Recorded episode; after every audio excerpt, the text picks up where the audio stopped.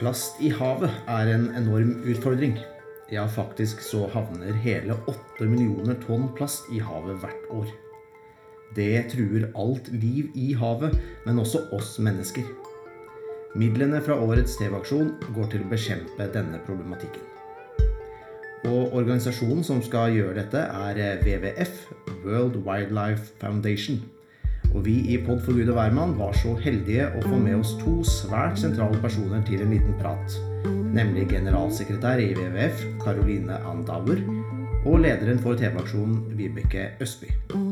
Så da setter vi bare over til denne samtalen.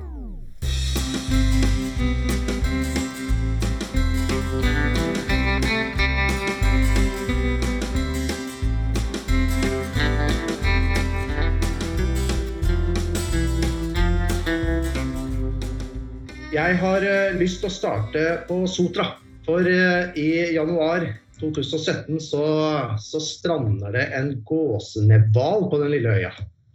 Og det viser seg at den har 30 plastposer i magen som stopper fordøyelsessystemet. Og bildene av denne plasthvalen, det var i hvert fall for meg en solid vekker. Karoline, hvor stort er egentlig problemet med plast i havet? Ja, ganske stort. Egentlig helt enormt. Eh, og jeg vil jo si at eh, vi takker jo den gåsenebbhvalen på mange måter. Fordi vi har jo visst om problemet i lang tid. Men jeg tror når du fikk den gåsenebbhvalen og andre dyr som du så eh, enten da hadde plastposer i magen eller er vikla inn i en form for plast, så skjønner jeg litt hva det betyr. For du snakker om at 8 millioner tonn havner ut i året årlig. Og så ser vi jo bare en brøkdel av det. Det er litt vanskelig å forstå hvor mye 8 millioner tonn er. Men nesten 94% av plasten som havner i havet, den synker til bunns. Vil si at du finner den ikke på strendene, du finner den ikke i de store plastøyene som du ser i Stillehavet. Den ligger på havbunnen eller i havet. Så vi ser jo bare en brøkdel av plasten som havner i havet. Mm. Men hvorfor, eh, hvorfor kommer det egentlig så mye plast i havet? Det kommer fordi at vi mennesker forsøpler. Altså, vi er ikke flinke nok til å legge plast og søppel der det skal. Eh, og plast er jo veldig ofte et lett produkt. Så du kan tenke deg hvis det er et sjokoladepapir da, som havner på avveie når du går en tur, så blåser det litt, eller det regner, så havner alle de plast, eh, plastbitene i havet til slutt.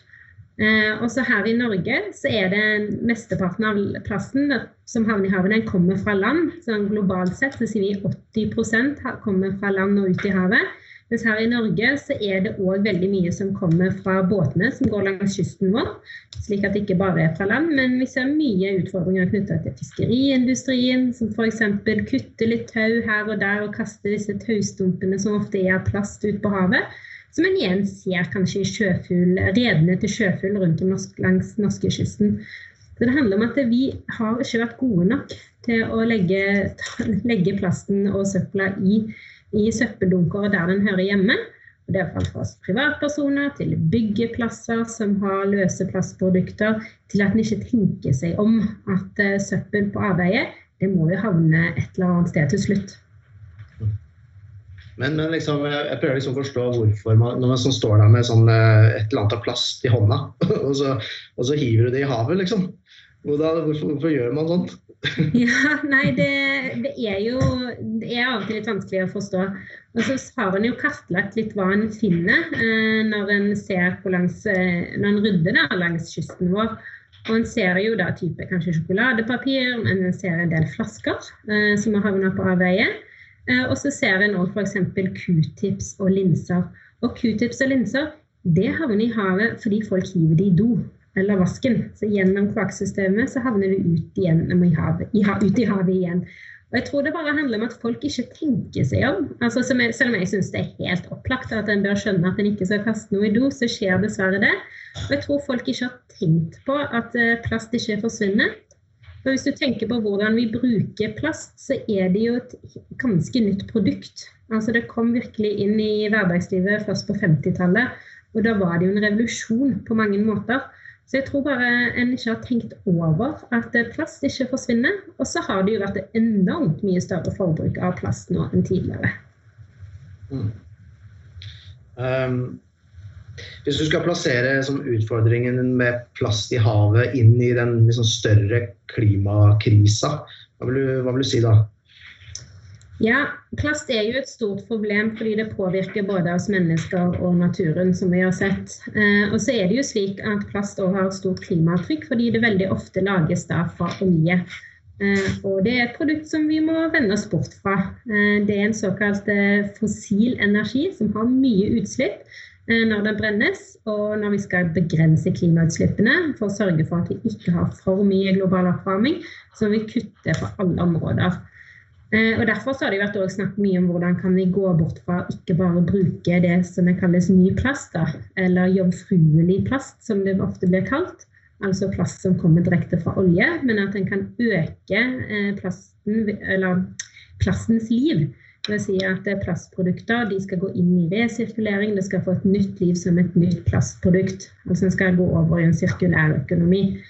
Men utfordringen vår er jo først og fremst at det brukes for mye plast, og veldig mye unødvendig plast. Eh, og slik det ser ut nå, så vil jo bare forbruket av plast øke, og dermed bidra til at en har mer klimautslipp. Mm. Um, kan du gi noen eh, gode eksempler på hvordan vi kan eh, bekjempe denne utfordringen? Ja, vi kan jo alle tenke gjennom vår egen hverdag. Hvordan kan vi unngå å bruke engangsprodukter av plast? Og tenke kan vi kjøpe noe som vi kan vaske og bruke om igjen? Eh, også på plastprodukter. Hvis det er noe et produkt du ønsker å ha i plast, kan du kjøpe det i kvalitetsplast som du kan vaske eh, om og om igjen istedenfor et engangsprodukt. Og så handler det om å bruke stemmen sin som forbruker eh, opp mot eh, ulike butikker som har sett. Altså, der han stiller spørsmål til Hvorfor kommer disse produktene her inn i plast? Så mye plastemballasje, er det nødvendig? Men det vi trenger aller mest, er jo politisk vilje. Eh, fordi her må politikerne nå komme på banen og si at vi trenger strengere reguleringer. Vi må pålegge produsentene mer ansvar for å sørge for at når de setter plast ut i markedet, så må de ta det tilbake. Og vi i WWF vi jobber jo for en global eh, plastavtale som skal sørge for at alle land i hele verden blir med og sier, sier at vi skal ikke ha plastforsøpling. Plasten skal ikke ut i naturen. Det skal bli forbudt. Mm. Uh, opplever du at uh, produsenter og, som lager produkter, er, uh, er bevisste nok dette? At altså, I forhold til å finne på andre måter å pakke inn produktene sine på? Da? Ja, jeg tror det kommer mer og mer, fordi forbrukerne har vært veldig engasjert. Eh, og så snakkes det veldig mye nå om noe som heter produsentansvarsordning. Det betyr at produsentene av plast, de som da setter plasten ut i markedet, skal ha et ansvar for å ta den tilbake inn, at den kan bli resirkulert. Men òg sørge for at helt til designprosessen, altså hvilken plasttype bruker du inn i plastproduktet, som gjør at den kan resirkuleres. Typisk designfeil er at et plastprodukt kan ha tre typer plast, eh, som gjør at det er vanskelig å resirkulere det, kontra én type plast som gjør at det kan enkelt resirkuleres. Eh, og det med produsentansvar, det kommer. Eh, det har EU sagt skal på plass. Det er et krav fra flere og flere. Og hvis du tenker her i Norge, så har vi et produsentansvar allerede når det kommer til de flaskene som vi panter pantesystemet vårt er produsentansvar. Er å si at eh, til de drikkevareprodusentene som putter da den plastflaska ut i markedet, de må sørge for at det finnes et opplegg for å ta den inn igjen. Og slik ble pantesystemet født. Mm. Um, TV-aksjonen har eh, overskriften 'Et hav av muligheter'. Mm. Ja, hva legger dere i, i overskriften? Det handler jo om at det finnes mange ting en kan gjøre for å bekjempe plastproblemet. At det, det er ikke bare håpløst. Eh, og årets TV-aksjon eh, Mange tenker kanskje at den skal gå til å rydde plast. Og selv om det er viktig, og det skaper stort engasjement, så skal jo årets TV-aksjon handle om at vi ikke skal ha plasten ut i naturen og havet i utgangspunktet. Og det er nettopp fordi at i havet det er jo en enormt viktig ressurs for oss. Både i form av jobber og mat, medisiner, teknologiutvikling. Eh, og vi er avhengig av et rent og sunt hav. Som vi må sørge for at plasten da ikke havner uti der i utgangspunktet. Så vi skal si som vi så fint sier, vi skal ta plasten ved rota. Altså sørge for at eh, vi tar tak i problemet der det oppstår, som gjør at plasten ikke havner på avveie i naturen. det med et hav av muligheter er jo også et ordspill på at det er jo havet vi skal redde. Og vi har vel egentlig sett på havet som et sånt stort sluk som bare fikser opp i problemene selv, helt til vi nå har sett at det gjør det ikke lenger. Så eh, det er et hav, kjempestort hav, og det er mange muligheter. Vi må bare bruke de gode mulighetene, og det betyr at vi ikke skal ha plast i havet. Så det er liksom en sånn dobbelthet i dette her. At vi skal ta vare på havene våre og fortsette å ha mulighetene som ligger i havet, ved at vi ikke forurenser det og ødelegger det med plast. Mm. Ja, og da har vi hørt eh, deg òg, Vibeke. Ja. Så hyggelig. ja. Ehm, kan ikke du fortsette med å fortelle oss litt om eh, årets aksjon? Ja, årets aksjon, altså i, i, tillegg til at dette er en kjempeviktig aksjon, altså det vi skal gjøre som Karoline akkurat har snakket om, så, å være med på å få mindre plast i havet, som er en nødvendighet for, for oss alle sammen, så er jo det blitt en spesiell TV-aksjon inn i et uh, veldig spesielt år for hele verden. Så som også har gjort at TV-aksjonen nå har valgt å måtte gjøre bøssa også digital. Selv om TV-aksjonen er digital på mange områder, så har vi liksom vært veldig sånn opptatt av at bøssa skal komme hjem til folk der hvor folk eh, bor. Eh, men det går ikke i år. Og eh, tenk liksom hele denne problemstillingen som vi er stilt overfor i forhold til plastproblematikken, også viser jo liksom hvordan verden henger sammen når vi får en pandemi som dette. At vi er alle eh, avhengig av hverandre, at vi oppfører oss ordentlig, at vi gjør de gode valgene også eh, når det gjelder både plast og sykdom og ta vare på hverandre. Og Der tenker jeg TV-aksjonen også er en del av den dugnaden og, og gjør den digital. Og, og, eh, kan skape også tilhørighet og samhold med at vi har en viktig sak å samle inn til, og at vi skal gjøre den på en forsvarlig måte i år ved å være digitale. Mm. Hvordan eh, tenker dere at det vil slå ut, da, at eh, aksjonen blir digital? Det blir veldig spennende å se. Vi har jo ikke noe å sammenligne med i så stor skala som TV-aksjonen er. Eh, det er altså er det jo ikke bare det at TV-aksjonen er digital, men folk flest er jo ikke så altså gjør jo ikke så mange aktiviteter som vi bruker å gjøre heller i TV-aksjonssammenheng. Men så syns jeg folk er flinke til å være kreative, til å finne kreative løsninger også lokalt på hvordan man kan vise frem TV-aksjonen, vise frem engasjement.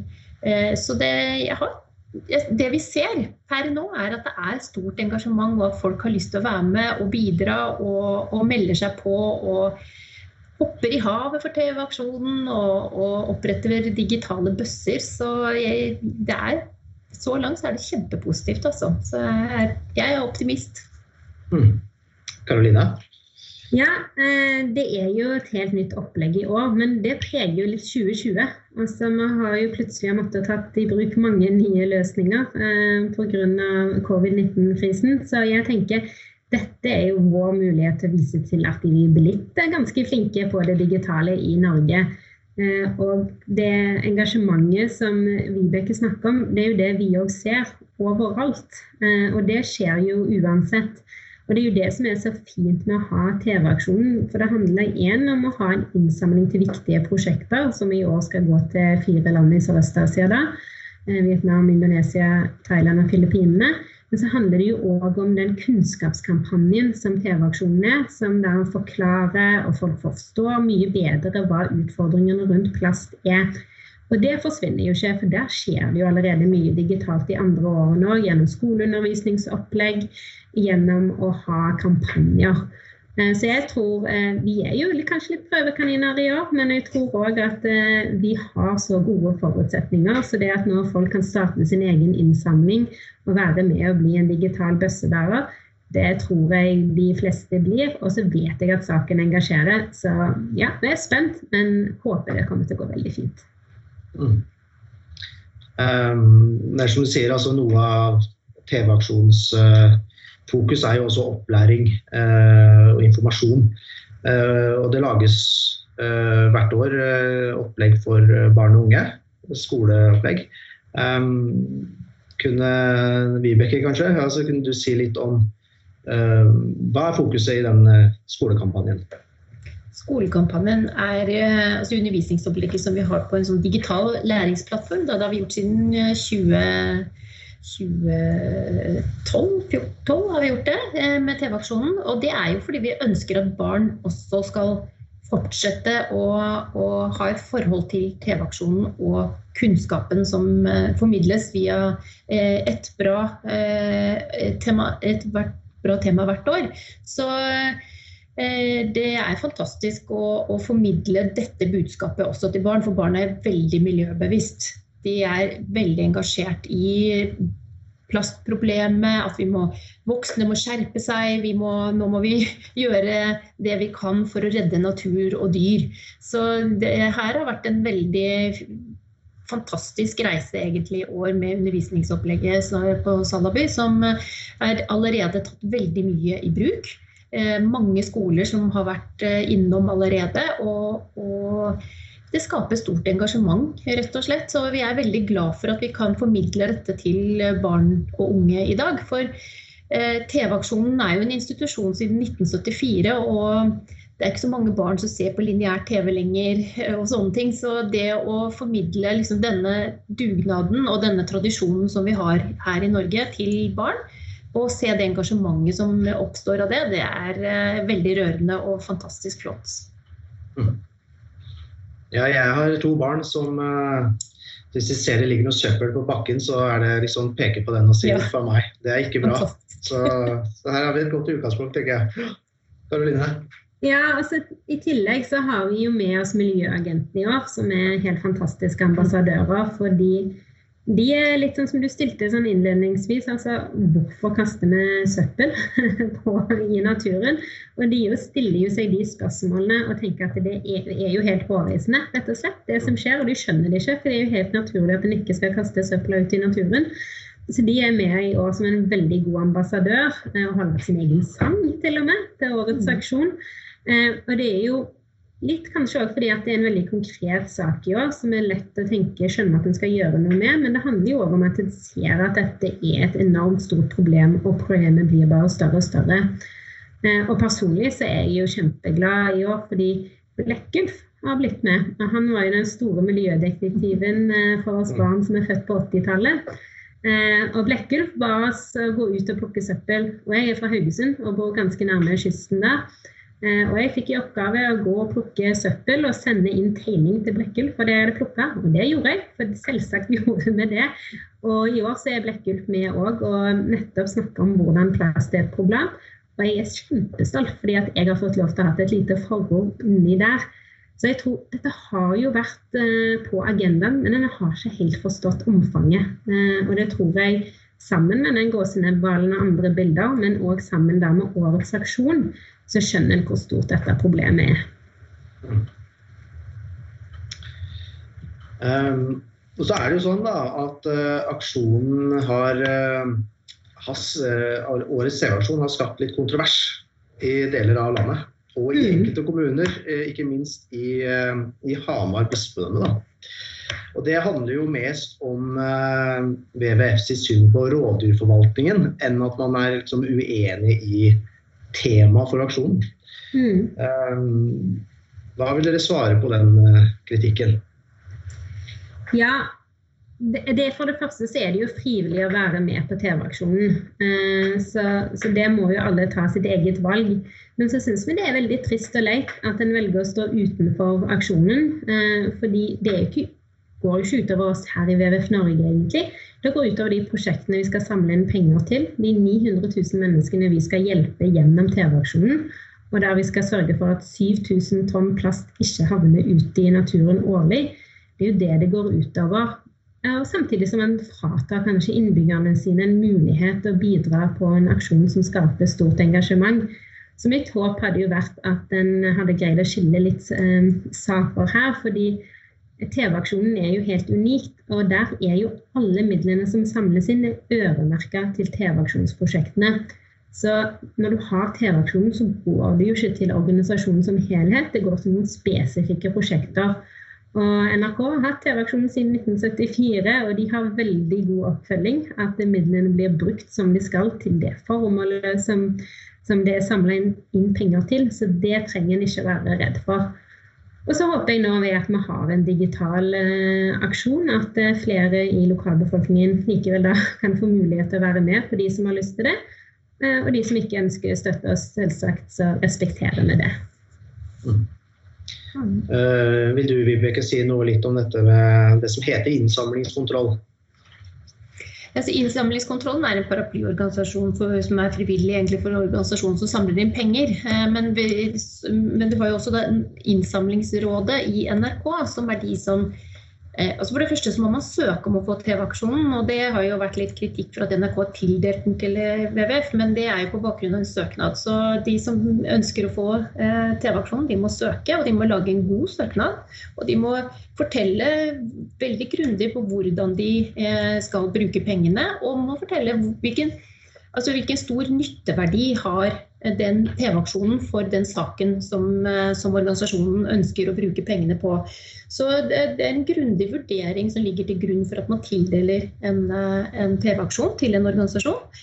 Og det eh, klarte WWF fint å forklare hvordan TV-aksjonen, altså hvordan vi som nasjon sammen eh, kan bidra med så stort bidrag inn til en viktig sak at man får til store ting.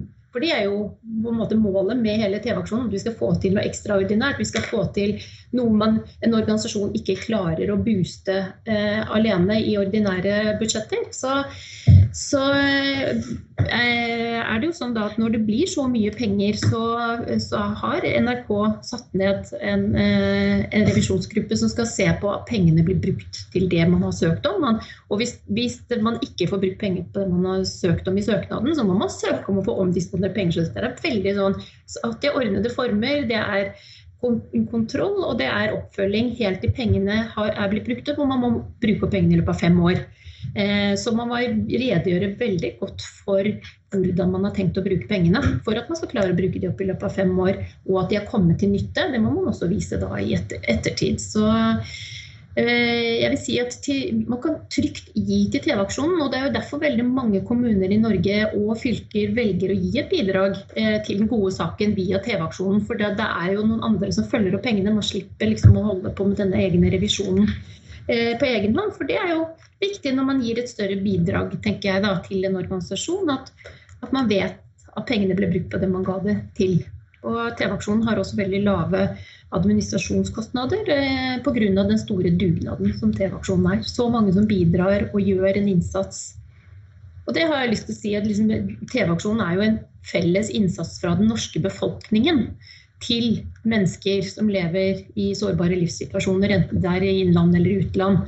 Så dette er jo en boost for mennesker. Og som Karoline sier, det er 900 000 mennesker vi skal være med på å gi en bedre hverdag muligheten til å få søppelet sitt samlet inn og håndtert. Eh, vi snakker om mennesker som ikke har en søppelkasse ute i, i gårdsplassen sin, som vi har, hvor søpla ikke blir hentet. Du må liksom, hvor skal du hvis man gjør et tankeeksperiment med seg selv, da, hva gjør jeg med søppelposen min hvis ikke jeg hadde hatt renovasjon som kom og henta den? Hva hadde jeg gjort? Jeg bor ikke så veldig langt fra en elv. og ja, Det er mye mulig at jeg hadde tatt posen min og gått bort til den elva og kasta den ned der. For da forsvinner den jo litt bort fra mitt nærområde. Og det er jo det som foregår i disse landene. Og det er det som gjør at søpla havner ut i havet til slutt. Så tenker at vi er heldige som nasjon får lov til å være med på dette da, store prosjektet og booste det. Og, og, være med og gi en utstrakt hånd til disse 900 000 menneskene. Så det, hei, jeg syns det er fantastisk. Mm. Um menighetene i Den norske kirke de pleier å bidra aktivt uh, i TV-aksjonen. Um, hvordan tenker dere nå at menighetene kan best uh, mulig bidra? Hvert eneste år så har kirkene bidratt veldig mye til TV-aksjonen. Altså det er eh, først og fremst et stort bidrag fra kirkene samlet med, eh, fra kollektene. Så det håper vi også at det blir mange kirker som gir kollekten den søndagen. Og vi pleier å ha det da i, en, i, i forhold til hvilket tema det er, men at det er i forhold til eh, en, en, dag som passer i forhold til tematikken inn i kirkens egen årskalender. Og, og, be om kollekten den dagen. Og så er det jo eh, veldig mange meningsblader som skriver en tekst om årets tema. Og, og det er også bønner som er knyttet opp mot den gudstjenesten som man da velger å legge dette til. Og i år så er det jo det skaper, skaperverket. Det er, det er en grønn kirke som, som er med på årets TV-aksjon. Så det er veldig sånn, godt samarbeid mellom TV-aksjonen og kirken hvert eneste år. Og det er temagudstjenester med oppfordring om, til markeringer på aksjonsdagen. Og så er det mange kirker som, som arrangerer eh, konserter. Det blir kanskje ikke så mange av dem i år, men, eh, men der altså er det jo mye kreativitet på at man kan ha annen type eh, innsamling også til aksjonen, som også blir en aktivitet for, for menigheten eh, generelt. Da. Ja, og jeg tenker at kanskje i år så må en jo være litt eh, kreative, som Vibeke sier. For det er jo kanskje ikke fullt eh, så stor mulighet til å gå i kirka heller hvis det er litt begrensninger lokalt pga. smittesituasjonen osv.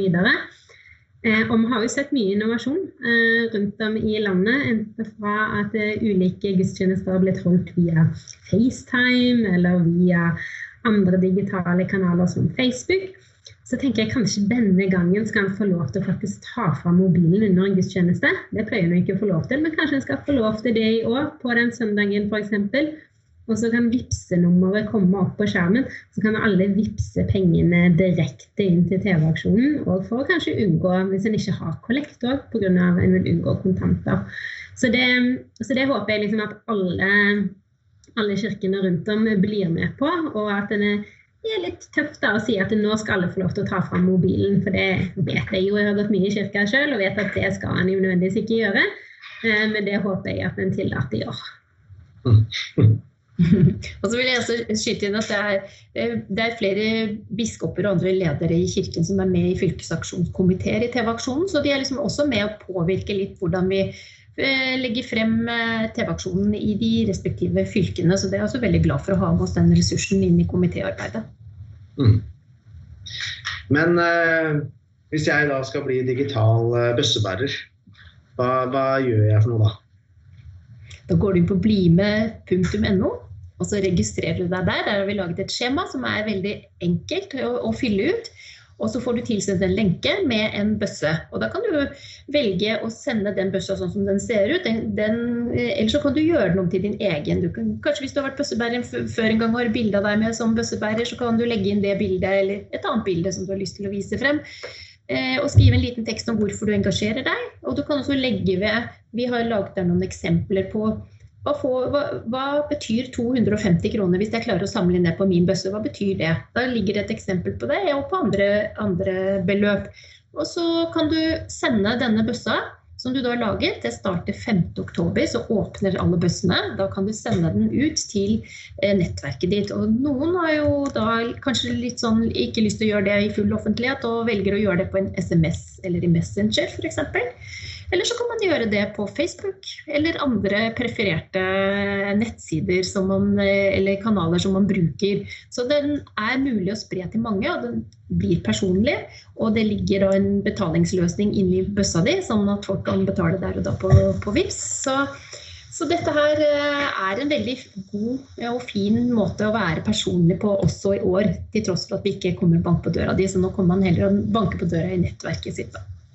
Ja, Altså, hvis en går inn på blimed.no og har registrert sin bøsse, eh, så etter hvert så kan du jo faktisk Hvis du tenker at nei, jeg har ikke så lyst til å gå med digital bøsse, jeg pleier ikke å gå med fysisk bøsse engang, så hvorfor skal jeg gå med digital? Men du pleier jo kanskje å gi penger. Og da har du kanskje lyst til å gi det til de vanligvis går du, gir du jo til den som banker på døra di. Så kan du søke opp eh, de bøssene som er nærmest der du bor. Så kanskje naboen eh, i nabohuset eller naboleiligheten har lagd en digital bøsse. Da kan du gi til deres bøsse. Og du kan gi anonymt òg, slik at eh, navnet ditt ikke kommer opp så helt sånn som normalt. Eh, som vanlig, for det er jo anonyme bidrag når folk putter kontanter på. Ingen vet hvem, hvem som har gitt eh, der ute. Så ikke kan vi òg gjøre det digitalt. Så her er det liksom bare å snu hodet litt. så at eh, vi skal gjøre litt det samme som i fjor, bare på en litt annen måte. Mm. Og så blir det jo sånn, at Disse bøssene det blir jo som en bøssebeløp fra kommunene.